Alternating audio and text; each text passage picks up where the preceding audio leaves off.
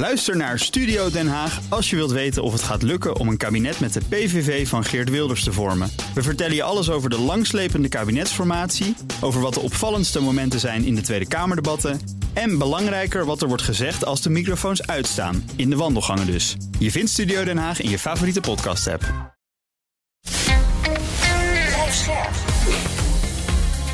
BNR Nieuwsradio. Boekenstein en de Wijk. Hugo Reitsma. Welkom bij Boekenstein en de Wijk. Het is maandag, dag 537 van de oorlog in Oekraïne. En Rob is weer terug bij ons. Welkom terug, Rob. Ja, dank je. Uh, hoe gaat het? Nou, met mij gaat het uitstekend. uh, ja, ik hoop dat het met jullie ook goed gaat, want jullie hebben vier ja. weken lang doorgewerkt, de hele vakantie. Dat viel niet dus, mee. mijn god. Ja. Uh, dat is wel een, nou ja, ook natuurlijk dank aan Patrick Bolder en Peter Weininga, hand en broeken, Hand en die, ja. mij hebben, die mij hebben vervangen. Dat was natuurlijk heel erg, heel erg prettig dat het op die manier kon. Maar goed. Ja, misschien even aardig toch. Ja, vier weken eruit, dan Ja. neem je wat afstand. Ja, ja. Ja, kijk, weet je, eh, eh, er is niks veranderd en tegelijkertijd een hele hoop veranderd. Kijk, wat, wat mij is opgevallen de afgelopen vier weken is ehm, eh, dat de boel nog steeds potdicht zit aan het front. Hm. En dat dus eh, de partijen nu op allerlei andere mogelijke manieren proberen om, eh, zeg maar, horizontaal te escaleren. Dus eh, ze proberen dus nu doelen te treffen die op zich indirect iets te maken hebben met de strijd aan het front, maar niet direct. Dus eh, wat je nu ziet is eh, dat de afgelopen weken eh, de Russen hebben besloten om Donauhavens aan de grens van Roemenië te, te bombarderen. Nou ja, dat is wel linkersoep hoor, want eh, dat is een paar kilometer van NAVO-grondgebied.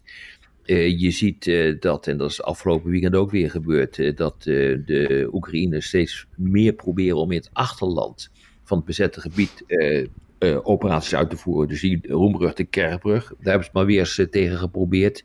Eh, ze proberen drones af te schieten en te zenden naar, naar Moskou. Dus je ziet aan alle kanten dat men probeert om, om te compenseren wat er niet gebeurt aan het front. Hm. Eh, eh, namelijk het verbreden van de strijd naar het achterland. En dan maar hopen eh, dat je daarmee, zeg maar, in de eerste plaats, bijvoorbeeld in het geval van droonaanvallen op Moskou, de Russische bevolking toch ervan laat doordringen dat er echt wat aan de hand is en dat zij ook kwetsbaar zijn. Nou, dat gaat denk ik niet echt werken omdat het land gewoon veel te groot is. Moskou, nou ja, dat is ook een gigantische stad. Dus dat merk je niet eens als er eh, tien kilometer verder eh, op een drone eh, eh, inslaat. Eh, dus eh, aan, aan alle kanten zie je gewoon dat er wordt geprobeerd om toch die strijd te, te verbreden. En, maar dat verbloemt in mijn optiek wel echt ja, dat die strijd niet goed gaat aan het front. Hm. Voor beide partijen. Ja, het is duidelijk. Hè? Wat je leest is dat ze hebben niet meer opmars gemaakt dan 10 tot 12 miles. Dan moet je maar 1,6 doen. Hè? Ja. Uh, dat betekent dus, volgens mij zijn ze nergens uh, helemaal door de defensielinies heen. Want er blijven er altijd nog een paar achter. Hè? Ja. Dus, je, dus met sommigen doen er wel optimistisch over, maar er is eigenlijk helemaal geen reden toe. Nee, nee zeker niet als je het in een brede context uh, plaatst. En kijk, uh, wat je ook ziet op dit ogenblik is dat die, die Russen behoorlijk tekeer gaan. Helemaal in het, in het uiterste oosten. Hè, dat is daar dat gebied van Kupiansk en Statoven. Daar zijn ze behoorlijk in het offensief. Uh, aan het gaan. En de grote vraag is, waarom doen ze dat nou eigenlijk? En dat lukt ook wel. Daar hebben ze ook wel het een en ander uh, veroverd. Ja, er zijn denk ik uh, twee verklaringen voor, die op zich niks met elkaar te maken hebben. In de eerste plaats doen ze dat om ervoor te zorgen dat troepen uit andere gebieden worden weggehaald, waar Oekraïne in het offensief is en daar redelijke succes aan het boeken is. Maar ja, dat is ook maar een kilometer hier en daar. Dus dat zou een verklaring kunnen zijn. Maar dat kan het niet echt zijn, omdat die afstanden gewoon te groot zijn. Hmm. Uh, naar uh, bijvoorbeeld de, het grensgebied van Zaporizhia en de Donetsk Oblast. Dat, daar worden successen geboekt door, door Oekraïne. Ja, dan praat je over een paar honderd kilometer. Het is dus niet zo dat je die troepen heel snel verplaatst. Dus dat is er een. Maar een tweede is dat uh, het best zou kunnen zijn dat Rusland zich aan het voorbereiden is op toch een doorbraak uiteindelijk. Waardoor ze nu ook proberen in te zetten om zoveel mogelijk gebied dan maar te veroveren in, die, in, de, Don, in, de, in de Donbass. Mhm. dat, om dat gebied te kunnen claimen. Dat zou ook een verklaring eh, eh, kunnen zijn. Ja, maar als je dus kijkt naar die twee opmarslijnen, dus zeg maar richting Berdiansk en weet je, met het dorpje Staro-Majorska en naar Melitopol, naar, eh, eh, dan zie je dat daar gewoon nog een ontzettend groot stuk te gaan is. Ja, ja. Ja, nou ja, kijk, weet je, er zijn dus twee, eh, eh, twee eh, plekken waar je naar moet kijken. Behalve dus naar het, het oosten. Je moet dus kijken, continu, maar dat, moet, dat doen we ook al twee maanden hoor. naar dat grensgebied van de Zaporizhia Oblast en de Donetsk Oblast. Nou, daar wordt stevig gevochten, daar worden wat successen geboekt. Maar als je gewoon echt heel goed kijkt naar waar de fortificaties liggen. Ja, dan word ik daar dus niet, eh, eh, eh, niet verschrikkelijk opgewonden van. Sommige mensen worden er erg opgewonden van. Maar ze zijn eigenlijk niet eens door de eerste grote linies heen gebroken. Hier en Nee. daar hebben ze wat fortificaties weten te overwinnen. Maar dan heb je er nog vijf te gaan. En de, de vijf grootste, en de vier grootste moet ik dan zeggen, die liggen feitelijk verder in het achterland. Dus daar kom je ook niet doorheen. En dan zie je ook dat er het een en ander gebeurd is bij Origiv. Hè, dat ligt helemaal in het, eh, in het westen van de Zaporizhia Oblast. Dat gaat op zich ook oké. Maar ook daar zie je dat ze niet door de echte fortificaties eh, zijn gebroken. Ja. Zou het wel kunnen, dat Oekraïne richt zich nu natuurlijk meer op aanvallen eh, verder in het achterland, hè, op aanvoerlijnen en op commandocentra en dat soort dingen, dat dat wel goed gaat en dat dat op een gegeven moment de Russen toch gaat opbreken? Of ja, hier hebben we natuurlijk weinig, weinig zicht op, denk ik, hè? Nou ja, de bedoeling is natuurlijk wel dat daardoor de aanvoer van versterkingen, nieuwe troepen, maar ook eh, nou, eh, munitie, wapens, eh, dat die daardoor wordt bemoeilijkt. Dat is natuurlijk ook zo. Je, je ziet dus dat Oekraïne een enorm voordeel heeft wat dat betreft. Omdat het hele front grenst aan Oekraïns gebied. En dat geldt niet voor Rusland. Dus die moet, die moet een enorme omtrekkende beweging maken om uiteindelijk die troepen aan het front te krijgen. Dus is echt een groot voordeel voor, eh, voor Rusland. Eh, maar ja, je probeert natuurlijk inderdaad eh, door middel van die aanval in het achterland dat hele proces te frustreren. En dat lukt ook wel. Maar waar je ook naar moet kijken is, dat zijn de berichten over wat we noemen die laterale verplaatsingen van die troepen. Dus eh, het, het punt is dat het moeilijk is voor Rusland onze versterkingen aan te voeren in dat gebied. Eh, en dat betekent dus dat ze troepen elders moeten weghalen. Dat het zijn laterale verplaatsingen, zoals dat eh, wordt genoemd. Dat betekent dus feitelijk dat ze dus niet nieuwe reserves in gaan zitten, maar, zetten, maar ze halen hun troepen ergens anders vandaan. Nou, dat is iets wat op dit ogenblik eh, gebeurt. Dat hoeven de Oekraïners niet te doen, omdat die reserves genoeg hebben in hun eigen land.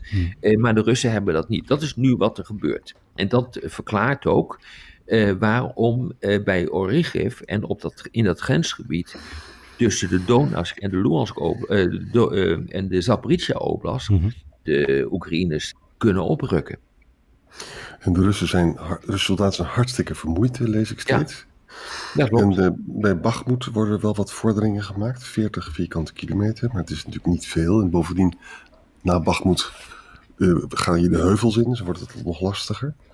En bij Gerson is iets heel kleins aan de hand, waar we ook al heel lang over gesproken hebben. Ze zitten nou aan de Ooster, eh, Oostbank, zitten ze nu, hè, van, de, van de rivier. Oever, ja, de Oostblok. Ja, maar, maar dat, is, dat zijn ook niet veel soldaten hoor. Hm. Maar ze zitten bij, bij dat Kosachi Laheri. Dat is een dorp. En, eh, maar dat is het dan. Ja. En, Ja, eh, dat is ook vervolgens, zo. Ja, dat is natuurlijk ook zo. Kijk, maar, maar het, is, het is toch opmerkelijk hoor, ehm, hoe weinig eh, militairen er betrokken zijn bij de hele strijd. Eh, Je, je, je, je kunt dat redelijk goed volgen. Daar zijn eh, tamelijk eh, eh, goede, goede apps voor om, de, om te kunnen zien wie waar zit. Maar, dat, ja, maar goed, dat moet je wel kunnen lezen, zo'n zo'n app, want anders snap je er helemaal niks van. Maar het valt mij echt op. En dat zie je dus ook aan de berichten over ehm offensief. Want dan gaat het over 60, 70 Oekraïners die in het offensief zijn gegaan. Dat is echt heel weinig. Oh, ja. En het, ja, het gaat dus ook gewoon over bataljons iedere keer. Nou, Een bataljon. eh, het hangt er een beetje vanaf of je een Russisch bataljon of een Westers eh, bataljon hebt. Maar dan praat je misschien ook over 500 man. Dus dat is niet ongelooflijk veel hoor. En eh, die, dus dat valt me echt op. Over ehm, eh, dat die gevechten, die zijn er wel, die zijn ook verschrikkelijk veel. Uh, maar het gaat echt om, om relatief kleine eenheden. Dus het is niet Ja, zoals ja. tijdens de Koude Oorlog dat de hele legerkorpsen van 100.000 man stonden opgesteld. Die elkaar vervolgens gingen afmaken als de oorlog eh, uitbrak. Dat is gewoon niet zo. Ja. Do- Door eh, de, de trage opmars van, eh, van Oekraïne wordt natuurlijk steeds weer gekeken naar van wat kan het Westen eh, dan leveren aan wapens waarmee wel wat kan. En dan wordt natuurlijk gekeken steeds naar de F-16 of naar die Taurus, die, eh, de Duitse kruisraket. Ja, Lindner, eh, minister van Financiën van Duitsland, is vandaag in Kiev. En Duitsland heeft in totaal, overigens even opgezocht, 22 miljard steun eh, gegeven. Hè? Nou, is een grote discussie in eh, Duitsland zelf of ze die Taurus nou wel of niet moeten leveren. De Defensie ontkent dat steeds. Scholz houdt zijn de kaken op elkaar. Die meneer Kiezenwetter, weet je die kennen wij nog wel van zo'n vrij belangrijke buitenlandwoordvoerder en defensiewoordvoerder. Die is heel erg voor. Eh, maar waar het natuurlijk om gaat is dat ze willen niet dat die Taurus-raket, die 500 kilometer kan, geloof ik zelfs nog meer, dat die Rus Russisch grondgebied raakt. Hè? Dus ze overwegen dan nu om eh, eh, de, met de software daarvan te veranderen, dat het dan minder wordt. En de Duitsers zitten constant te kijken naar wat de Amerikanen willen en doen. Die trekken eigenlijk gezamenlijk op. Hè? En je weet dat de Amerikanen willen die ATACMS niet leveren. En als ze het leveren, dan willen ze die software ook eh, veranderen. Hmm. Maar het is duidelijk natuurlijk dat de, Oekraïners het dolgraag willen hebben, die raket. Want ze hebben niet zoveel Storm Shadows. Hè? Nee, maar überhaupt, dat soort raketten zijn heel erg duur. Eh, eh, eh, en daarmee dus ook redelijk schaars. Hè. Dus je kunt daar ook niet eindeloos mee doorgaan. Je moet dan echt wel, als je zo'n raket afvuurt, moet je wel weten wat je doet. Nou, dat weten ze sowieso wel. Maar ja, je, je- het zijn schaarse en kapitale systemen. Dus je moet echt gewoon heel goed eh, kijken waar je zo'n raket tegen inzet. Er moet ook een, ja, een, een, een, een effect hebben die ook een strategisch doel kan dienen. Hmm. Zomaar even zo'n raket eh, inzetten tegen een troepenconcentratie van 60 man, dat heeft geen zin. Dat ga je dus niet doen. Ja. En is het dan toch afwachten, zoals veel mensen zeggen, eh, totdat de F-16's eh, misschien het verschil kunnen maken? Ja, weet je, kijk, eh, er is tot nu toe geen enkel wapensysteem geweest die het verschil heeft gemaakt. En Hmm. dat, eh, als je dat zegt, nou dan weet je natuurlijk dat je de Twitter-storm alweer over je heen krijgt. Want de X-storm heet dat geloof ik tegenwoordig. Eh, maar dat is natuurlijk zo. Er stond een aardige analyse ook in van een aantal experts in New York Times volgens Times. mij. Ehm, die ook zeiden van ja, weet je, het, het punt is, je wil die F-16's gebruiken om de strijd aan het front te beïnvloeden. En dat Mhm. betekent dus feitelijk dat je dus eh, steun door middel van F-16's aan de grondtroepen moet leveren.